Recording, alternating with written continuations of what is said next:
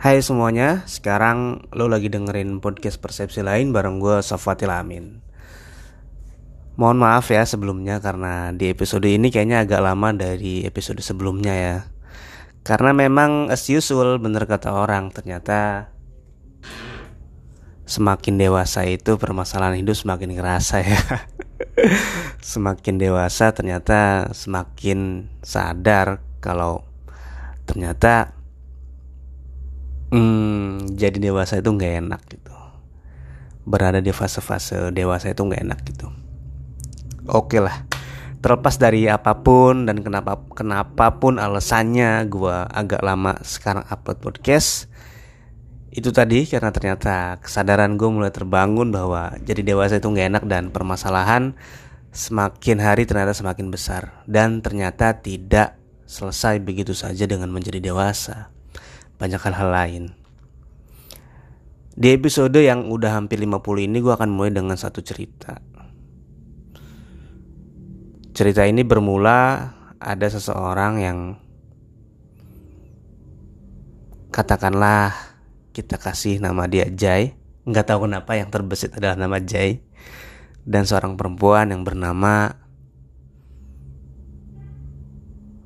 Windy lah ya katakanlah nggak tahu kenapa juga yang terbesar adalah nama Windy. Jadi ini ada kaitannya dengan komitmen yang memang semakin dewasa. Uh, dalam hal ini adalah komitmen dalam relationship atau uh, hubungan lah. Jay sama Windy dia kuliah di satu kampus cuma beda satu tingkat di satu jurusan dan tentu saja di satu di satu fakultas. Kemudian dia singkat cerita dengan sebuah pertemuan berlanjut ke pacaran. Jadi mereka adalah sepasang kekasih, mahasiswa dan mahasiswi. Kemudian mereka pacaran dan sayangnya mereka tidak berlangsung lama, hanya sekitar 2 sampai 3 bulan. Entah kenapa, entah karena memang sibuk kuliah dan lain sebagainya. Tapi yang jelas intinya mereka pacaran gak lama. Akhirnya mereka hidup masing-masing, si Jai dan si Windy. Uh, si Jai aktif organisasi, aktif segala kepanitiaan, si Windy uh, waktu itu langsung pacaran dan dengan orang lain dan sibuk juga dengan kampusnya dan lain sebagainya. Selang beberapa tahun, tepatnya kurang lebih 4 sampai 5 tahun kemudian,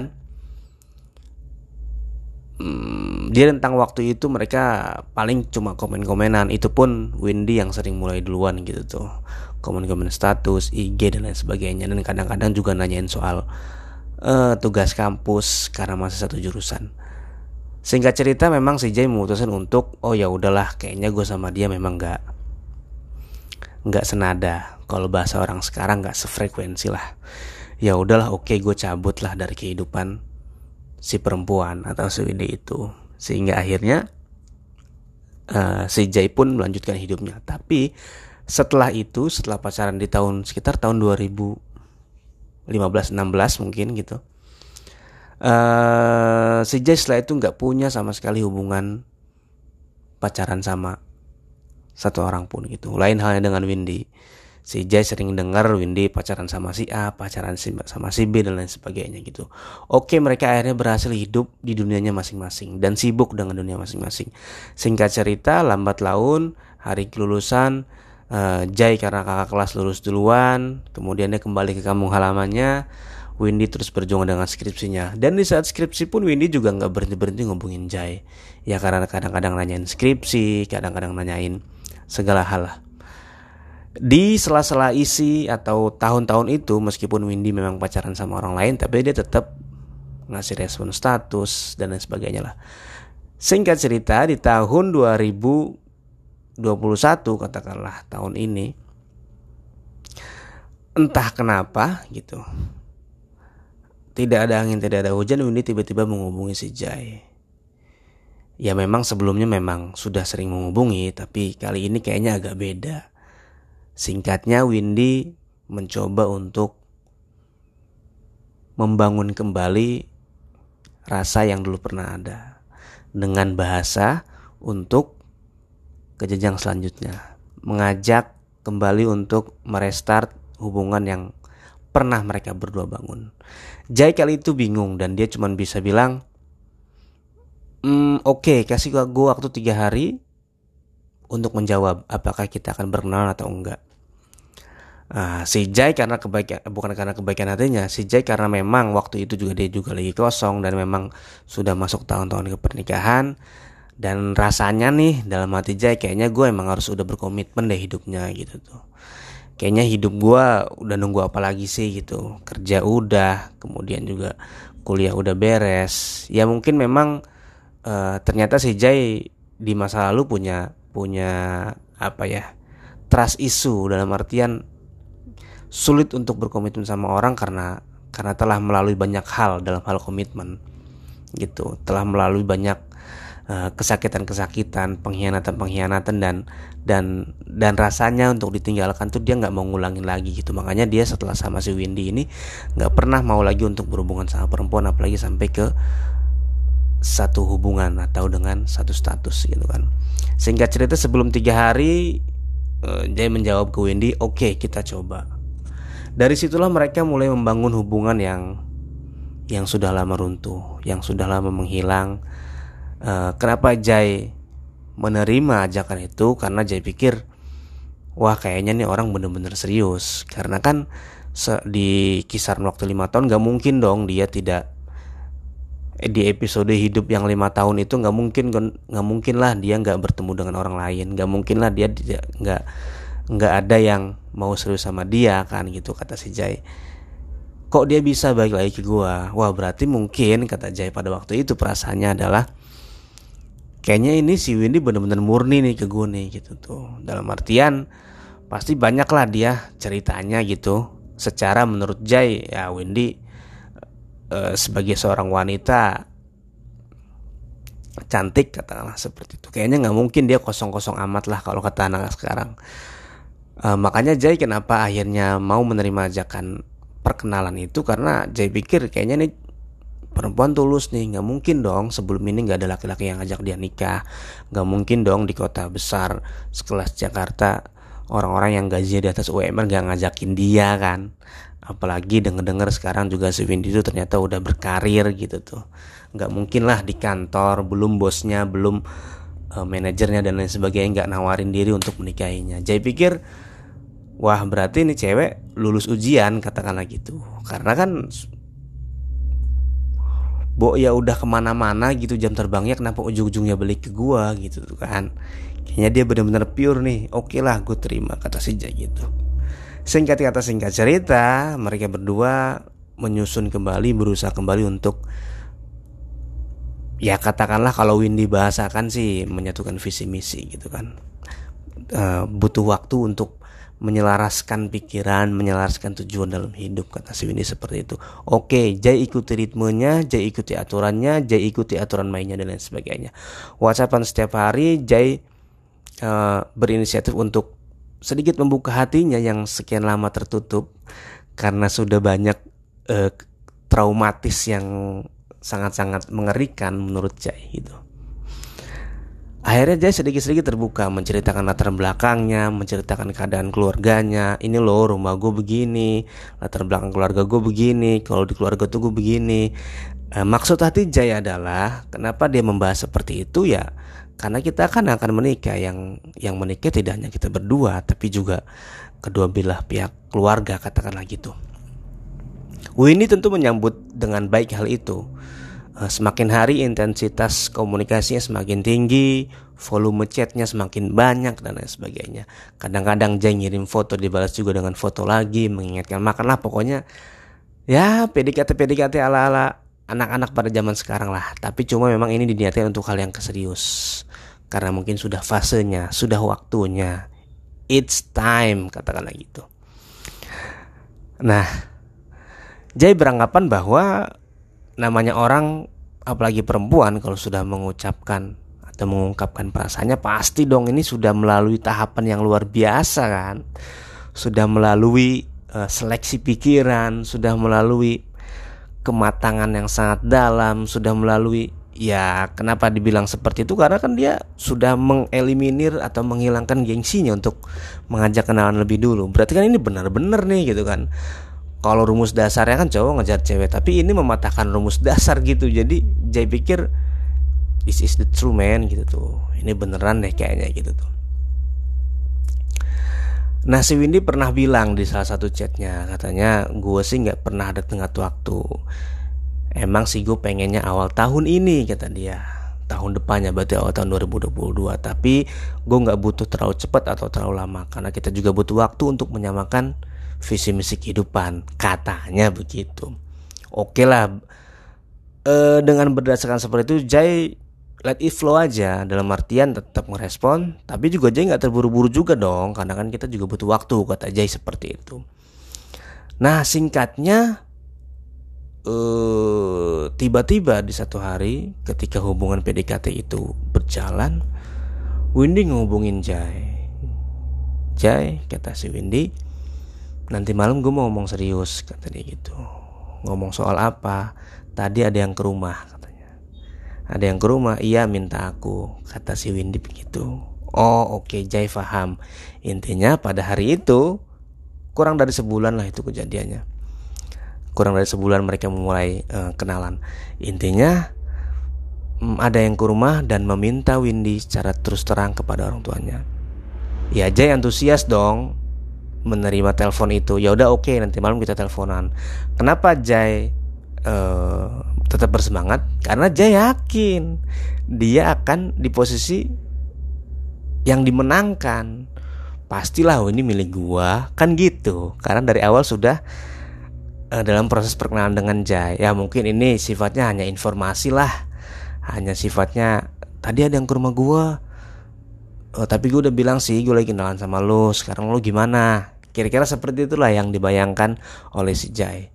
Uh, waktu berjalan, malam pun tiba, mereka berdua teleponan dan ternyata nggak disangka-sangka, ternyata si Windy malah bilang intinya, hmm, gue kutip per percakapannya kurang lebih seperti ini. Iya tadi ada yang ke rumah. Terus kata si Jay, kata Windy,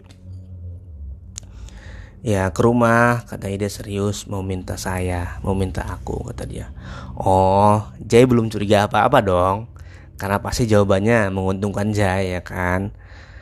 Oh kata dia gitu. Terus jawaban kamu apa? Ya aku bilang kalau serius ya udah. Seketika dunia hening sejenak waktu seperti mempaus dirinya sendiri pikiran Jai nggak keruan mulutnya sulit untuk mengucapkan sesuatu matanya juga sulit berkedip shock kaget karena aneh gitu tuh Kok jawabnya gitu? Kalau seperti itu jawabannya berarti secara nggak langsung iya dong. Iya kan? Lah terus si Jai ini udah apa-apa selama ini kan gitu kira-kira. Si Jai ini udah apa-apa. Lah kok jawabnya gitu kata si Jai. Ya habis nggak tahu lah nggak tahu kenapa itu mengalir gitu aja kata Wendy. Jay merasa tersakiti pada waktu itu Sangat-sangat shock Ya karena kan masih ada dia Kata Jay Kan masih ada gua, kenapa lu jawabnya gitu? Semestinya lu jawab pertanyaan atau tawaran itu dengan jawaban iya pak atau iya kak atau iya a. Tapi saya mau pikir-pikir dulu karena di saat yang sama saya lagi kenalan sama seseorang. Kan seharusnya seperti itu. Barulah mengkonfirmasi Jai dan bilang ke Jai dari awal, Jai, gitu kan? Tadi pagi ada cowok nih yang ke rumah gue cuman gue jelasin kita lagi kenalan gue nggak bisa ngejawab situ tapi ternyata yang terjadi adalah sebaliknya si perempuan langsung menerima laki-laki itu jadi maka bisa dibayangkan komitmen yang dibangun yang dimulai dari si perempuan ternyata bisa diingkari begitu aja Jai ngamuk-ngamuk Jai putus asa Jai sakit hati tanpa ada kalimat apa pun Diam sejenak sekitar 1-2 menit tanpa kata, si Windy hanya bilang, kok diem, kok diem. Jai tanpa berpikir panjang menutup teleponnya. Saat itu Jai bingung kenapa bisa jadi seperti ini kan. Tanpa aba-aba, tanpa lampu sen. Yang Jai harapkan adalah semestinya kalau perlu lu ancam gua. Bang, Kak, Jai, Tadi hari Minggu ada yang ke rumah gua minta gua. Lo gimana nih? Kita sudah ta'arufan, sudah kenalan. Jalan beberapa minggu ini. Udah gua bilang ke si cowok kalau gua jawabnya nanti hari Rabu. pikir-pikir dulu. Sekarang keputusan ada di tangan lo Jai. Gue tunggu lu Senin sama Selasa ke rumah gue untuk minta gue ke orang tua gue. Kalau enggak, sorry tuh saya gue harus nerima si laki-laki ini karena lo nggak jelas. Semestinya seperti itu. Dan itu yang diharapkan Jay. Kalaupun itu terjadi, Jay yakin pasti ke rumah kok gitu. Ya karena kan ada deadline, ada rambu-rambu gitu tuh. Dan sayangnya itu semua tidak tidak terjadi, hanya terjadi di harapan dan pikiran Jay. Semestinya seperti itu. Kalau enggak dari awal dibatasin, kita kenalan satu bulan, setelah satu bulan tidak ada kejelasan. Uh, sorry to say, sorry banget gue harus bilang, gue harus uh, nerima orang lain kalau ada orang lain masuk. Ini kan tidak ada seperti itu, itu mendadak, ya kan? Akhirnya Jay patah hati, Jay sakit hati. Ternyata komitmen yang dibangun seperti yang gue bilang tadi, hmm, istihoro yang dibangun tadi karena ternyata jauh-jauh hari atau ketika mereka awal-awal kenalan, Windy nyuruh Jay untuk istihoro. Jay bingung kenapa ke gua dia nyuruh istihoro berhari-hari, kenapa ke laki-laki itu enggak? Kan enggak adil. Akhirnya istihoronya tidak ada nilainya dong ketika ke si Jay berdasarkan istihoroh tapi ketika ada laki-laki lain yang datang justru malah hanya berdasarkan mengalir gitu aja. Is impossible nggak mungkin nggak ada faktor lain. Kan jadi seperti itu. Nah dari cerita itu gue beranggapan bahwa memang fase setelah komitmen itu gagal adalah fase yang luar biasa gitu. Apalagi ketika orang sudah sampai ke tahap pelaminan Dari kisah tersebut uh, Gue yakin dan sadar bahwa Gila men. Di balik pelaminan yang begitu megah Di balik lampu Yang berwat-wat Di balik background Di balik uh, Dekorasi vendor-vendor yang mewah Megah, mahal itu ada seribu cerita ternyata. Bahkan seribu duka gitu. Di balik pelaminan ternyata harus harus mungkin salah satu mempelai adalah termasuk orang yang harus ditolak orang lain dulu gitu. Atau mungkin salah satu mempelai adalah orang yang harus menolak orang lain dulu gitu. Atau lebih parahnya mungkin di balik uh, pelaminan, di balik kertas undangan, di balik foto prewedding yang begitu indah dan menyenangkan, ternyata harus ada yang disakiti dan menyakiti dulu mungkin uh, dari cerita itu gue sadar bahwa wah luar biasa pelaminan adalah prestasi dan pencapaian yang luar biasa yang bisa dicapai oleh seseorang gitu. Karena kita nggak pernah tahu berbagai macam rintangan apa yang telah mereka lewati kan. Harus ditolak dulu harus menolak dulu dan itu pun yang terjadi uh, dengan Jai gitu tuh. Uh, Jai akhirnya berpikir merenung apa yang sebenarnya terjadi. Bingung Jai ke mana dia akan lari? Karena kan yang datang perempuan kenapa dia belok tiba-tiba gitu. Kalau rumusnya adalah rumus perempuan adalah ya gue sih siapa yang datang duluan aja gue terima. Yang ngapain si perempuan datang ke si Jai? Kalau gitu gak usah ngedeketin lah. Iya kan? Atau juga kemungkinan yang lain yang kedua sebenarnya kalau menurut gue dari cerita itu kalau Windy memang berpihaknya kepada Jai bikin alasan itu gampang. Ya kan? Selalu ada alasan untuk menolak. Gampang banget dari setelah itu telepon keluarganya bahwa sebenarnya si Windy udah punya calon lagi lagi taruh dan sebagainya. Atau mungkin secara perlahan-lahan kan? Oh ya di cerita itu juga ternyata si perempuan langsung ngeiyain pertemuan dua keluarga. Lah itu kan secara nggak langsung sudah mengiyakan. Jadi hmm, jadi luar biasa sakit jadinya gitu tuh. Luar biasa pengkhianatannya gitu cuman memang untungnya belum melibatkan keluarga. Tapi itu kan sudah merupakan fase-fase setelah gagal dalam komitmen kan. Lebih tepatnya digagalkan sih. Kalau gagal kan kayaknya dari internal ya. Tapi kalau digagalkan dari eksternal dari luar diri kita dari pasangan kita seperti apa yang dialami oleh Jai gitu tuh. Ya jadi memang uh, perjuangan kepelaminan luar biasa. Itu cerita itu menyadarkan gue bahwa untuk menemukan satu orang tepat tidak hanya butuh tidak hanya butuh sejarah yang sama tidak hanya butuh perkenalan yang begitu lama dan lain sebagainya tapi ternyata memang pengorbanan akan selalu ada gitu. Jadi singkat cerita kisah itu berakhir pada uh, Jai akhirnya kecewa Windy dengan polos dan merasa tidak bersalahnya dengan keputusannya tetap melanjutkan pertemuan antara dua uh, keluarga tersebut. It's really hard, man. Sangat menyakitkan dong kalau gitu terjadi kan. Ya, memang hanya cerita, tapi gue yakin sih itu adalah banyak pembelajarannya gitu tuh. Uh, poinnya adalah kalau memang perempuan punya rumus yang datang duluan yang gue terima, lo nggak usah ngajak laki-laki lain taaruf, lo nggak usah ngajak laki-laki lain pendekatan gitu tuh. Uh, karena tanpa sepengetahuan si Windy ternyata Jay sudah menceritakan itu kepada orang tuanya, sudah Eh, memberikan pendekatan-pendekatan, obrolan-obrolan, obrolan-obrolan ringan tentang uh, Windy yang mengajaknya berkenalan dan dan ya kita simple aja sih itu. Namanya orang udah suka kan pasti chattingan juga beda lah ya nyempet nyempetin kabar kabarin gitu. Masa dari kata si Jay masa dari uh, chattingan yang begitu sering uh, respon yang begitu cepat tidak bisa digambarkan atau uh, tidak bisa mendeskripsikan bahwa itu adalah lampu hijau. Kan ah anak SMA juga ngerti kata si Jai. Masa dengan alasan itu Windy bilang kan gue nggak tahu lu sih nggak jelas kata si Windy lu sih nggak jelas sih kita kan PDKT PDKT doang lu nggak jelas nggak ngasih lampu hijau atau apa meskipun memang Kode-kode dan percakapan-percakapan singkat itu tidak cukup memberikan kejelasan bahwa si Jai juga memberikan perhatian. Paling tidak hargailah Jai. Pada waktu yang bersamaan kan kalian sedang kenalan. Kenapa harus mengiyakan? Paling tidak kan itu tadi tantangin dulu Jai.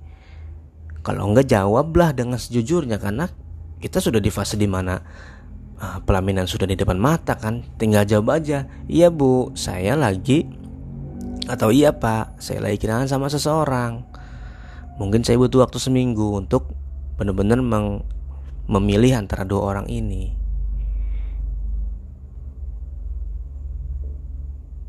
Ya, itu adalah cerita yang menurut gue adalah uh, fase setelah gagal dalam komitmen.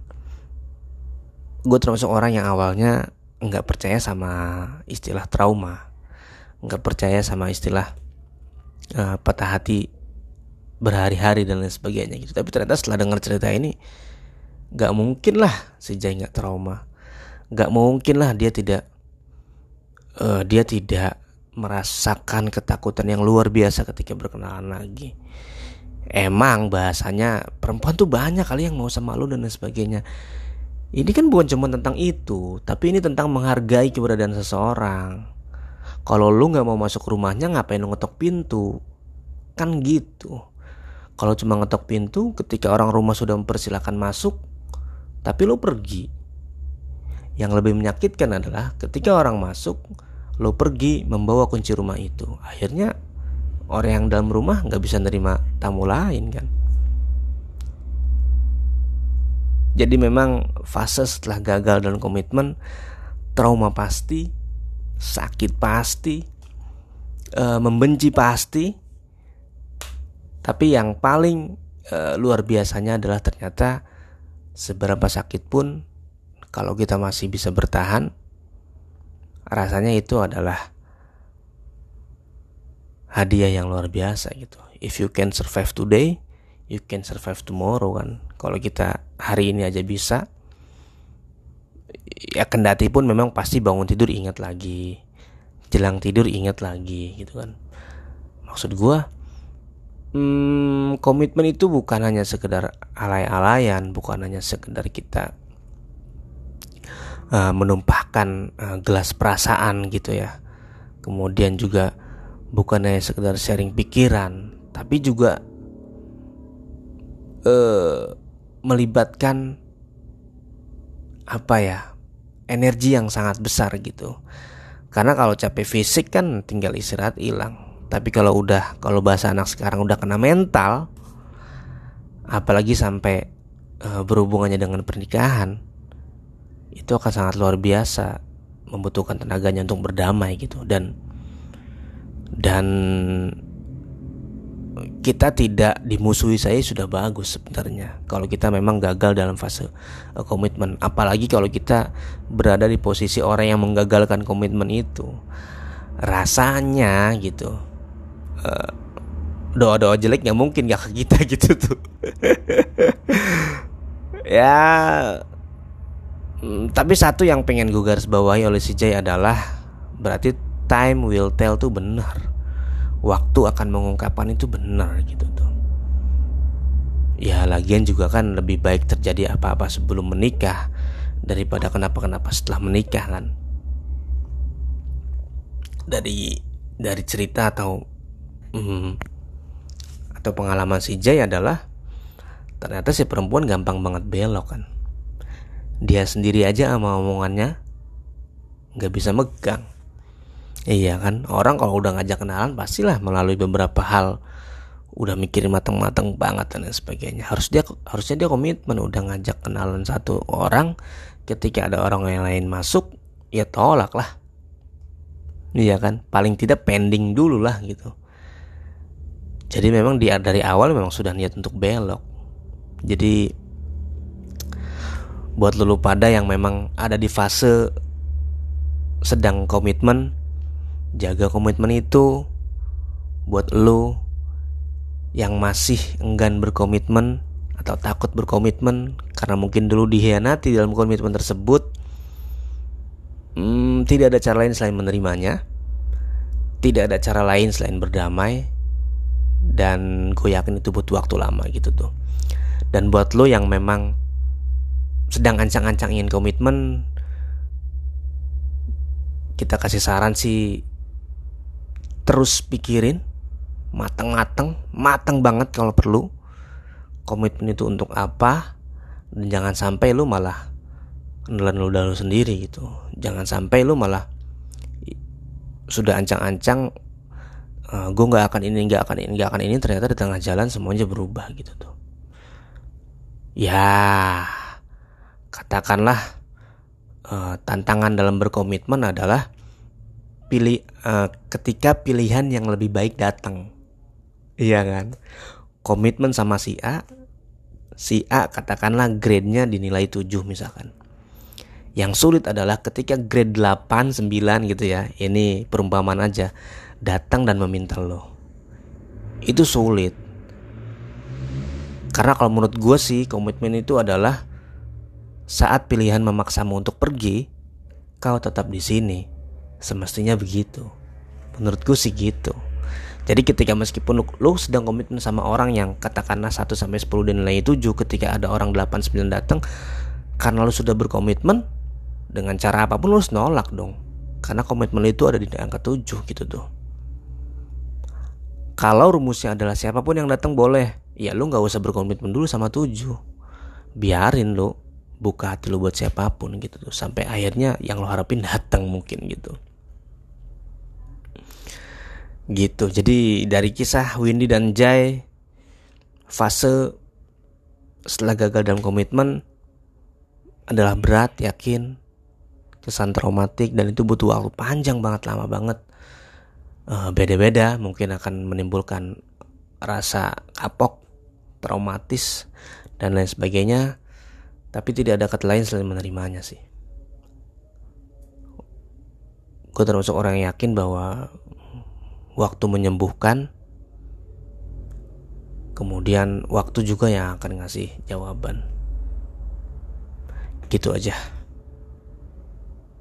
gue Sofatil Amin ada satu quote yang ada dua quote sebelum gue tutup. Yang pertama ada quote dari AS Laksana. Dia bilang, kamu menikahlah dengan pilihanmu. Kelak, kalaupun nanti kau tidak bahagia, paling tidak kamu hidup dengan pilihanmu. Yang kedua ada dari Putut EA.